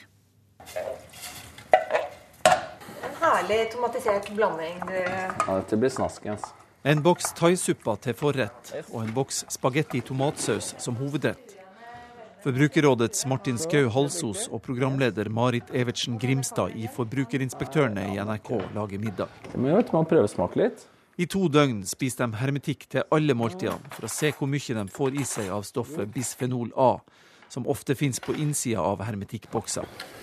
Oh, var sterk. God også. Og det var, det var spicy. Professor i samfunnsmedisin Jon Øyvind Odland ved Universitetet i Tromsø studerer resultatet av urinprøvene etterpå. Det som skjer, Dere fyker jo rett opp i noen konsentrasjoner som jeg vel sjelden har sett i hele mitt forskerliv. altså. Sier du det? En tidobling, altså. Hadde du forventa at det skulle bli sånn? her? Nei, det hadde jeg ikke. Mattilsynet er på linje med EU sine eksperter, og mener bisfenol A er greit å bruke i matemballasje, sier seksjonssjef Atle Wold. I de mengder det er tillatt å bruke, og i de matvarene eller matemballasjen man kan bruke det til, så er det OK. Dette stoffet bør det settes en stopper for, sier direktør Randi Flesland i Forbrukerrådet. Jeg mener at myndighetene i Norge nå bør ta tak i denne saken og gjøre det samme som Frankrike og gjennomføre et totalforbud. Reporter Kjartan Rørslett, og det har vært mer om dette i Forbrukerinspektørene på NRK1 i kveld. En seks år gammel gutt fra New Jersey i USA ble skutt og drepen av den fire år gamle lekekameraten sin i natt. Barna leka sammen da den yngste gutten gikk inn og henta ei 22-kalibers rifle som han ved et uhell skjøt vennen med. Jeg er sint på faren som hadde våpen i huset, sier en nabo etter drapet som nå ryster Toms River i delstaten New Jersey i USA. Nok en gang settes det fart i debatten om liberale våpenlover i landet, etter at en fire år gammel gutt altså er i stand til å ta livet av en lekekamerat. Hvordan våpenet gikk av er foreløpig uklart, men etter å ha lekt sammen foran huset, gikk yngstemann inn og hentet våpenet. Kort tid senere var seksåringen truffet i hodet. Moren i huset ringte nødnummeret, gutten ble i all hast fraktet til sykehus, men livet hans sto altså ikke til å redde. really difficult to deal with. I mean, is, you know, something that should never happened. I mean, it's, it's. Dette er vanskelig å forholde seg til. Det skulle ikke ha skjedd. Det er forferdelig, sier den drepte guttens onkel. Politiet etterforsker nå saken, og ville foreløpig ikke kommentere om mannen som eide våpenet, hadde lisens for det. Sa utenriksmedarbeider Espen Aas. SAS kritiserer styresmaktene for ikke å følge bedre med på virksomheten til Ryanair i Norge. Tidligere flyvertinne Alessandra forteller at hun ikke fikk betalt om hun ble syk da hun jobba for lågprisselskapet. Sick. Italienske Alessandra jobbet tidligere for Ryanair og bodde ved Rygge flyplass. Hun forteller om en arbeidsgiver som ikke betalte når hun var syk, og om en lønning på rundt 150 000 norske kroner i året. I går fortalte Dagsrevyen om at myndighetene mener Ryanair kan ha brutt norsk lov på flere områder, også fordi de ansatte har bodd i Norge uten å betale skatt hit. Ryanair mener de ikke skulle betalt skatt fordi flyene er registrert i Irland. Nei, så Du får en skjev konkurranse, definitivt. Sier infosjef i SAS Knut Morten Johansen. Null sykepenger og et skattenivå på 11% som Irland har, kan ikke SAS lovlig konkurrere mot. Norske myndigheter har ikke grepet inn til nå, og Johansen mener dette kan ødelegge den norske luftfarten. Statssekretær Geir Pollestad i Samferdselsdepartementet sier de vil se på saken. Vi ønsker en sterkere innsats eh, for å få klarlagt hva handlingsrommet i det hele har, i en næring som er stadig mer eh, internasjonalisert. Reportere i denne saka var Fredrik Solvang og Ellen Borge Christoffersen. Med to mål på overtid tok tyske Borussia Dortmund seg til semifinalen i Meisterligaen i går kveld. Og det skjedde på kostnad av Malaga. Det var elektrisk stemning på Vestfallen stadion da dommeren blåste for full tid i gårsdagens kvartfinale mellom Borussia Dortmund og Malaga. Både spillere, trenere og tilskuere hadde nok vanskelig for å tro det de hadde vært vitne til. Flere av Dortmund-spillerne falt ned på kne i glede og lettelse, mens spanjolene fortvilte. For ti minutter før slutt gikk Malaga opp i 2-1. Dermed måtte tyskerne skåre to mål for å vinne sammenlagt. Det klarte de, men begge målene kom på overtid. Det sa reporter Andreas Hagen. Også Real Madrid er klare for semifinale i Meisterligaen etter at de slo ut Galatasaray 5-3 sammenlagt. I denne sendinga har du hørt at Sør-Korea trapper opp overvåkinga mot naboen i nord. og Det blir det straks mer om i Nyhetsmorgen på P2. Ansvarlig for denne Dagsnytt-sendinga var Bjørn Christian Jacobsen, teknisk ansvarlig Hanne Lunås og i studio Ragnhild Bjørge.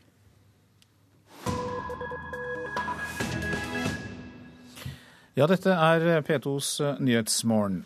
Russland står sammen med de andre G8-statene og avviser Nord-Koreas provokative oppførsel i det siste. Det sier den offisielle talsmannen for russisk UD, Aleksandr Lukasjevitsj. Også presidenten i Russland sier at han er bekymret for det som skjer på den koreanske halvøya nå. Her er Vladimir Putin. Мы против распространения оружия массового уничтожения. Не скрою, нас эскалация на Корейском полуострове беспокоит, потому что мы соседи. И если, не дай бог, что произойдет, то Чернобыль, о котором мы все хорошо знаем, может показаться просто детской сказкой. Det kjernefysiske problem som rår i Nord-Korea, kjenner vi alle til. Og vi er imot spredning av masseødeleggelsesvåpen. Eskalering av det som skjer på Koreahalvøya bekymrer oss derfor, for vi er naboer med koreanerne. Og måtte Gud gi at ingenting skjer. For hvis det går galt i Korea, kommer Tsjernobyl-katastrofen til å fortone seg som den rene barneleken sa Russlands president Vladimir Putin på Hannover-messen i nærvær av forbundskansler Angela Merkel på mandag. I går sa den offisielle talsmannen for russisk UD, Aleksandr Lukasjevitsj, at Russland står sammen med de andre G8-statene i å avvise Nord-Koreas provokative oppførsel i det siste, men han gjentar Russlands holdning om at diplomati og fredelige midler må brukes mellom de to koreanske statene nå. Russiske massemedier, som også dekker konflikten fra den sørkoreanske hovedstaden Seoul, skildrer forholdene i Nord-Korea slik at det russiske publikum, med intim historisk erfaring fra politistattradisjoner i sovjettiden, ikke er i noen tvil om hvor faren truer fra nå diktaturet i Nord-Korea. Konflikten på den koreanske halvøyen pågår ikke bare i umiddelbar nærhet av en millionby som Vladivostok i Russland.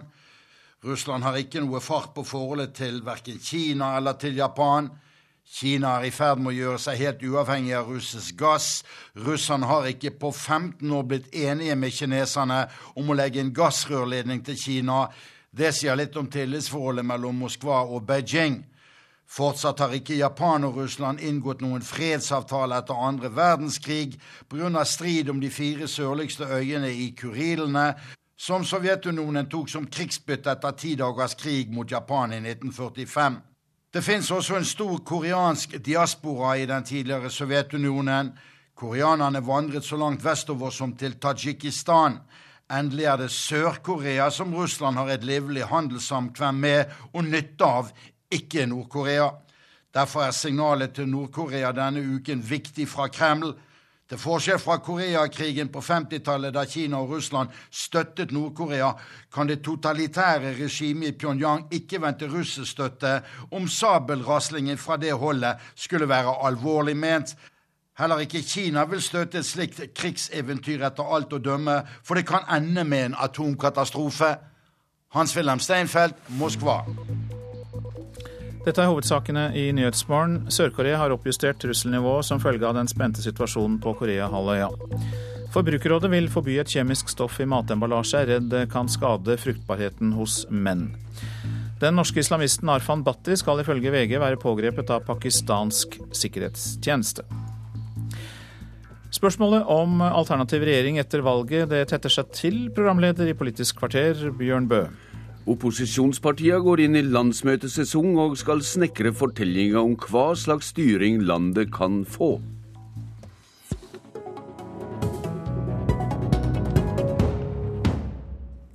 Denne helga går landsmøtestafetten over til opposisjonen, til Venstre. Det skal legges politikk for valgkamp og troverdig strategi for ny regjering. Nestleder i Venstre, Terje Breivik, hvor trolig er det at det kan gå i regjering med Fremskrittspartiet? Venstre har, har ved inngangen til dette landsmøtet et veldig avklart eh, regjeringsstandpunkt. Eh, gitt borgerlig flertall til høsten, så sier vi at vi, vi skal bidra til å få en borgerlig regjering på beina. Venstre sitt, sitt, alternativ er en ny sentrum-høyre-regjering, en blå-grønn regjering satt sammen av Venstre, KrF, Høyre.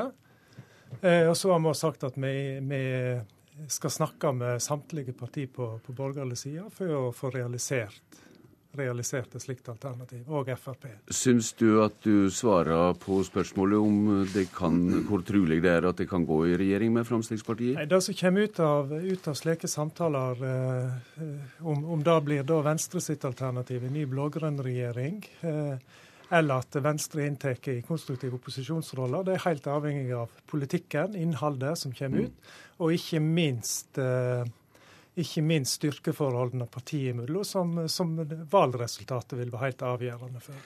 Fungerende leder i Kristelig Folkeparti, Dagrun Eriksen. Hvor trolig er det at det kan gå i regjering med Fremskrittspartiet? Vi visste nok eh, etter erfaring fra 2009 at det var et spørsmål vi kom til å få. Så der har vi valgt i vårt vedtak i landsstyret å svare på det. Og der sier vi at det er lite sannsynlig. Mm. At vi kommer til, pga. en litt stor politisk eh, forskjell mellom eh, Kristelig Folkeparti og Fremskrittspartiet. Men det som vi også sier, og som jeg tror eh, man skal legge merke til en forskjell fra nå og 2009 fra alle opposisjonspartiene, det er at alle ønsker å bidra til et skifte. Mm. Eh, og, det, og hvem da som blir sittende i den regjeringen, er faktisk kanskje ikke det viktigste. Eh, det må være en styringsdyktig regjering. Og det må være en regjering Vi har sett en regjering nå som har kanskje litt store politiske sprik. Og eh, en ny regjering som skal overta dette landet, trenger ikke de store politiske sprikene, men trenger å være regjeringsdyktige og handlingsdyktige. Skuggen i rommet, det er Frp og parlamentarisk nestleder Ketil Solvik-Olsen. Hvor ryddig tykker du dette regjeringsalternativet høres ut, når det erklærer at det ikke større regjering det selve ikke er med i? Nei, det er riktig, og det har vi sagt i både fire og åtte år. Men Fremskrittspartiet ønsker òg et regjeringsskifte, og jeg tror vi kan regjere veldig godt i sammen med Høyre, KrF og Venstre. Så vil valgresultatet vise hvor store de ulike partiene blir, og hvordan en da kan forhandle fram eh, en god regjeringsplattform. Så tror jeg det blir opp til KrF og Venstre om de vil sitte i regjeringen, eller om de vil støtte den fra Stortinget. Begge deler kan jeg leve godt med. Jeg tror jeg kan samarbeide veldig godt både med, med KrF og Venstre. De har andre ledere i dag enn det en hadde ved inngangen til 2009, og det tror jeg betyr veldig mye. Men disse andre kan bare glemme tanken på at uh, her blir ei alternativ regjering uten Frp? Vi har sagt vi støtter en regjering, men vi forutsetter at vi er en del av den. Og Jeg syns ikke det er høflig å drive på å ekskludere hverandre fra et samarbeid, men en kan godt få lov til å trekke seg ut sjøl. Uh, og det legger vi til grunn. Men altså, før valget i 2001 så hadde en òg den samme debatten. Da var det en Bondevik I-regjering som sa at de gikk til valg som et sentrumsalternativ. Med en gang valgdagen var over, så så han at Senterpartiet forsvant ut, Høyre kom inn. Og jeg tror du finner det samme her. At mye av disse debattene her blir litt unødvendige. fordi at postene endrer seg med en gang valgdagen har vært. Fordi alle partiene er med, fordi en søker å få makt og innflytelse. Og jeg tror òg at KrF og Venstre sier at den beste måten å få innflytelse er faktisk å sitte i regjering. Vi må nok drive disse debattene likevel, Ketil Solvik-Olsen, for her er det spørsmål for dere også om å te seg over til velgerne. Og Terje Breivik, i hva grad gir Venstre Kristelig Folkeparti en vetorett mot regjeringsdeltaking for sentrumspartiene? Eh, kan du si, det, det Venstre lærte mest av av uh, valget i 2009, en av de erfaringene som vi virkelig dro med oss, var jo at vi ikke, ikke stiller ultimatum til andre enn oss sjøl. Eh, I forhold til regjeringsspørsmålet nå, så, så legger ikke vi noe veto eller stiller noe ultimatum om verken hvem som skal være med eller ikke. Vi sier at vi har, vi har vårt ønskealternativ, som da er en ny, ny sentrum-høyre-regjering bestående av Venstre, KrF og Høyre. Er det det som er det du kaller ultimatumet til dere sjølve? Det er ikke tvil. Sant? Vi, vi, vil, vi vil ha en regjering med utspring i sentrum. Og skal en sånn regjering virkelig få den styrken, styrken som ligger i, i sentrums store pre, nemlig at uh, du kan hente vekselvis støtte både til høyreføring i Stortinget og til venstreføring i Stortinget, og sånn sett høste gevinst av det beste i to verdener, en, en næringsfinanspolitikk som legger til rette for, for næringsutvikling, verdiskaping, samtidig som du har sterkt, sterkt offentlig, offentlige fellesskapsløsninger på viktige politikkområder som, som helse, utdanning, skole, velferd. Så, så, tror vi at vi, vi, vil være rimelig avhengige av at sentrum står samla i, i, i en slik regjering og har den styrken som ligger i det. Dag Rune Eriksen Rønsla har vel synt at det kan være fare for knusingsskader også ved å dingle dere i sentrum. Men hva politiske vilkår er det det må ha oppfylt for at det skal være meningsfylt å være med i, eller aktivt stø ei regjering der Fremskrittspartiet er med? Ja, så, jeg tror alle politiske partier er litt dumme hvis de begynner å sette opp ultimatum på det. Men, ja, men du har saksområdet her, kanskje? Jo, altså, både saksområdet. Men det som jeg tenker er det aller aller viktigste for KrF. KrF er kjent for å være et parti som bidrar fordi vi har veldig mange saker som vi er opptatt av. Og det er jo sånn, jeg har lyst til å si, for da blir vi liksom veldig opptatt av hva er det som skiller, men jeg har også lyst til å si at det er en del ting som vi Og grunnen til at vi vil ha skifte, er at det er en del ting som vi ser vil gå i en bedre retning enn med dagens regjering. F.eks. på familiepolitikkområdet, som vi er veldig opptatt av. Så vil man finne mindre sprik på ikke-sosialistisk side enn man vil finne eh, i forhold til KrF sine synspunkt i rød-grønns eh, side. Så det er et av de punktene som gjør at vi ønsker et skifte. Og det jeg har lyst til å jeg syns det, er flott at, eh, at Fremskrittspartiet har en, en, holdning til at de også ønsker et skifte. Eh, men det er en forskjell på 2009, hvor det så ut til at de var det største partiet, hva de er nå. Og jeg håper ikke at de gir en beskjed til velgerne at, eh, at ikke de vil også være med og bidra til et skifte. Eh, og at de bare har én løsning på det skiftet. fordi at eh, det viktigste for meg er å gi en veldig klart signal, det er ikke bare som fungerende partileder, men det er også på vegne av han andre, men, at vi kommer til å bidra til det skiftet. Det er helt sikkert. Og det håper jeg at også Fremskrittspartiet kommer til å Men når jeg hører på deg nå, så må jeg spørre hva i, grad, i hva grad er de øvingene du driver med her, en ny frestende på å isolere Fremskrittspartiet fra makta? Nei, det er, ingen, det er ingen, forsøk på det. Eh, fordi at jeg tror at Og Det all... sier du med åpne øyne? Ja, fordi at det, det, som vi sier nå, at alle må snakke sammen. Mm. Og KrF har med alternativ på at vi kan sitte i den regjeringen, og vi kan ikke sitte i den regjeringen. Og det tror jeg er viktig at vi tenker alle sammen for å få til en god løsning. Hvis det er sånn at alle opposisjonspartiene tenker at det er et skifte som folket vil ha, og at de kommer til å stemme det, så plikter faktisk vi på ikke-sosialistisk side å skaffe de en regjering. Og vi kommer da til å være pragmatiske, og det håper jeg alle kommer til å være på ikke-sosialistisk side. Ketil Solvik-Olsen, hvor glad vil du være for et rent flertall av Høyre og Fremskrittspartiet etter valget, så du slipper disse småpartiene og gnaging om miljø og bistand? Jeg syns ikke det er noe å gnage hvis noen snakker om miljø og bistand. Det er òg viktige tema, men Fremskrittspartiet har andre og bedre løsninger enn det dagens regjering har. Så der er forskjellen på oss. Nei, jeg synes eh, selvsagt Fremskrittspartiet ønsker jo mest mulig innflytelse. Det er jo derfor vi driver med dette her, og vi ønsker jo å bli størst mulig. Mm. Så det hadde vært veldig behagelig å ha et rent flertall av Høyre og Frp. Men jeg tror at uansett om det skjer, så er det viktig at vi samarbeider med KrF og Venstre, fordi at dette skal være et langsiktig prosjekt.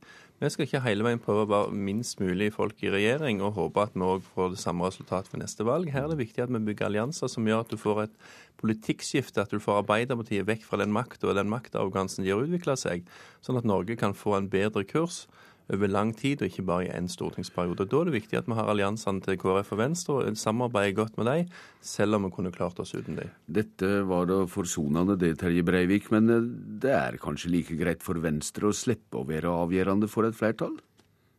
Vi har akkurat samme innstilling som Frp. Vi, vi, ønsker jo politisk makt for at vi vil ha politisk skifte. Mm. Husk på, Dette er jo et stortingsvalg for at du vil ha en ny, ny politikk. Og når vi vil, i, vil, ha en ny regjering, så vil vi ha en ny regjering for at vi vil ha ny politikk på, på viktige politikkområder, som bl.a. klima, kunnskap, verdiskaping. Så mm. Ketil Solvik-Olsen, hvor viktig er deres statlige styring, for å være litt konkret, av omsorg, sett opp mot uh, kravene fra de andre her om lokalt selvstyre? Altså, Vi mener jo at eh, kommunene har et ansvar i å tilby eh, tjenester, altså eh, helsetjenester, eldreomsorg, sykehjemsplasser, den type ting, skoletjenester.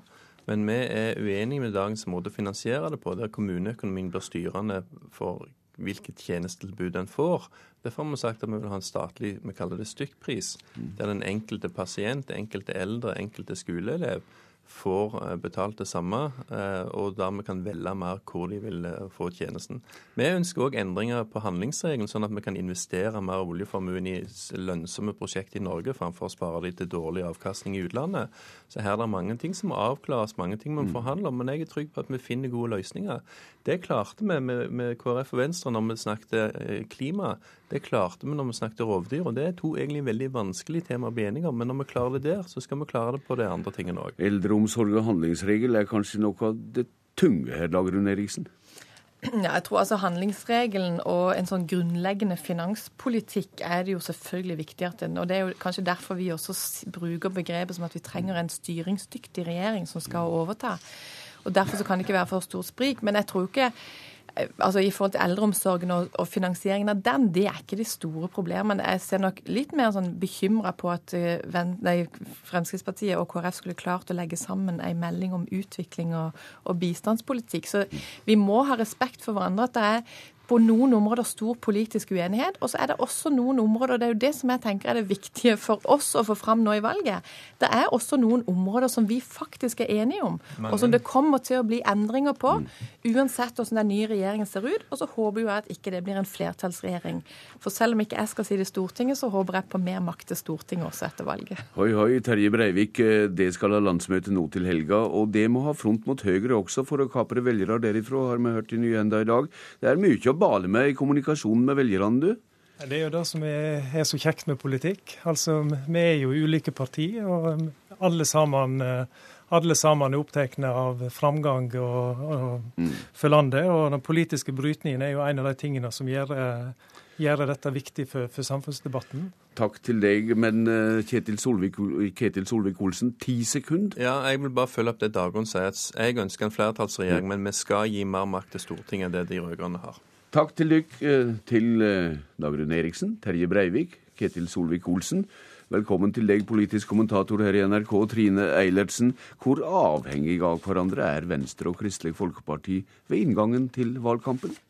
De er veldig avhengige av hverandre. Det er viktig for begge partiene at den andre er tydelig på at eh, enten så står vi sammen på utsiden, eller så står vi sammen på innsiden. For det har nok vært noen som har bekymret seg for at du kunne få en liten eh, sprekk i det sentrumslaget. Og det er klart at det svekker eh, det partiet som blir stående utenfor, hvis ett av de skulle insistere på å være i, i regjering, mens det andre forsvinner inn i tåkeheimen på Stortinget. Mm. Nå hørte vi her en gang til at disse to småpartiene de løfter opp tanken om regjering mellom deg og Høyre, og bare deg. Hvor troverdig er en slik tanke?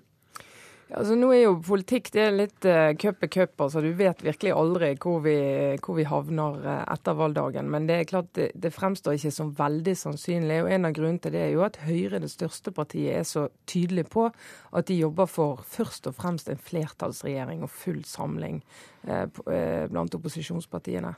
Eh, sånn at de vil ikke jobbe hardt for det, de vil jobbe for å få med Frp også. Så kan vi komme i en situasjon der, eh, der alle snakker sammen og eh, de to sentrumspartiene sier at nå har vi gjort det vi har lovet velgerne, vi har snakket sammen, vi kan ikke være med i en sånn regjering. Og så får du en ny diskusjon, kanskje mellom Høyre og Fremskrittspartiet, eller kanskje Høyre til slutt står alene. Ja, mye står selvsagt på valgresultatet her. Det blir altså synt vilje til å ha politiske samtaler også med Fremskrittspartiet. Det har vi hørt også her.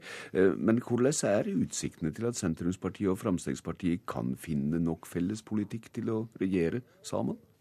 Altså De aller fleste områdene så skal det være mulig de aller fleste politikkområdene så er det mulig å finne et fellesskap.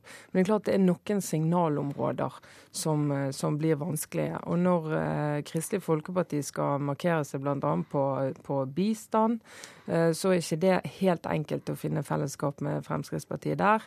Eh, og når Venstre skal jobbe med, med, klima og være veldig skarpe og skille seg tydeligere fra også SV og de som andre som konkurrerer om miljøvelgerne, så er det kanskje ikke helt enkelt å finne fellesskap der. Eh, men jeg tror ikke vi skal helt parkere tanken om at, om at, man kan finne sånne fellesskap. Og det handler jo om at Fremskrittspartiet er et mye mindre parti nå enn det var i, i forrige valg. Så det er en helt annen styrkeforhold mellom sentrum og Frp enn det var. Ja, her må vi også vente på valgresultatet, Trine Eilertsen. Men trass i dype politiske utfordringer, så må vi gjerne tro på hovedsetninga, da, slik du var inne på, om at et flertall for nåværende opposisjon vil gi en ny regjering. Ja, det er løftet opposisjonspartiene har gitt. Og det er et kjempesvik mot velgerne hvis de ikke sørger for et skifte når det blir, hvis det blir et flertall. Takk til deg, kommentator her i NRK, Trine Eilertsen. Politisk kvarter er slutt. Jeg heter Bjørn Bø. Du har hørt en podkast fra NRK P2.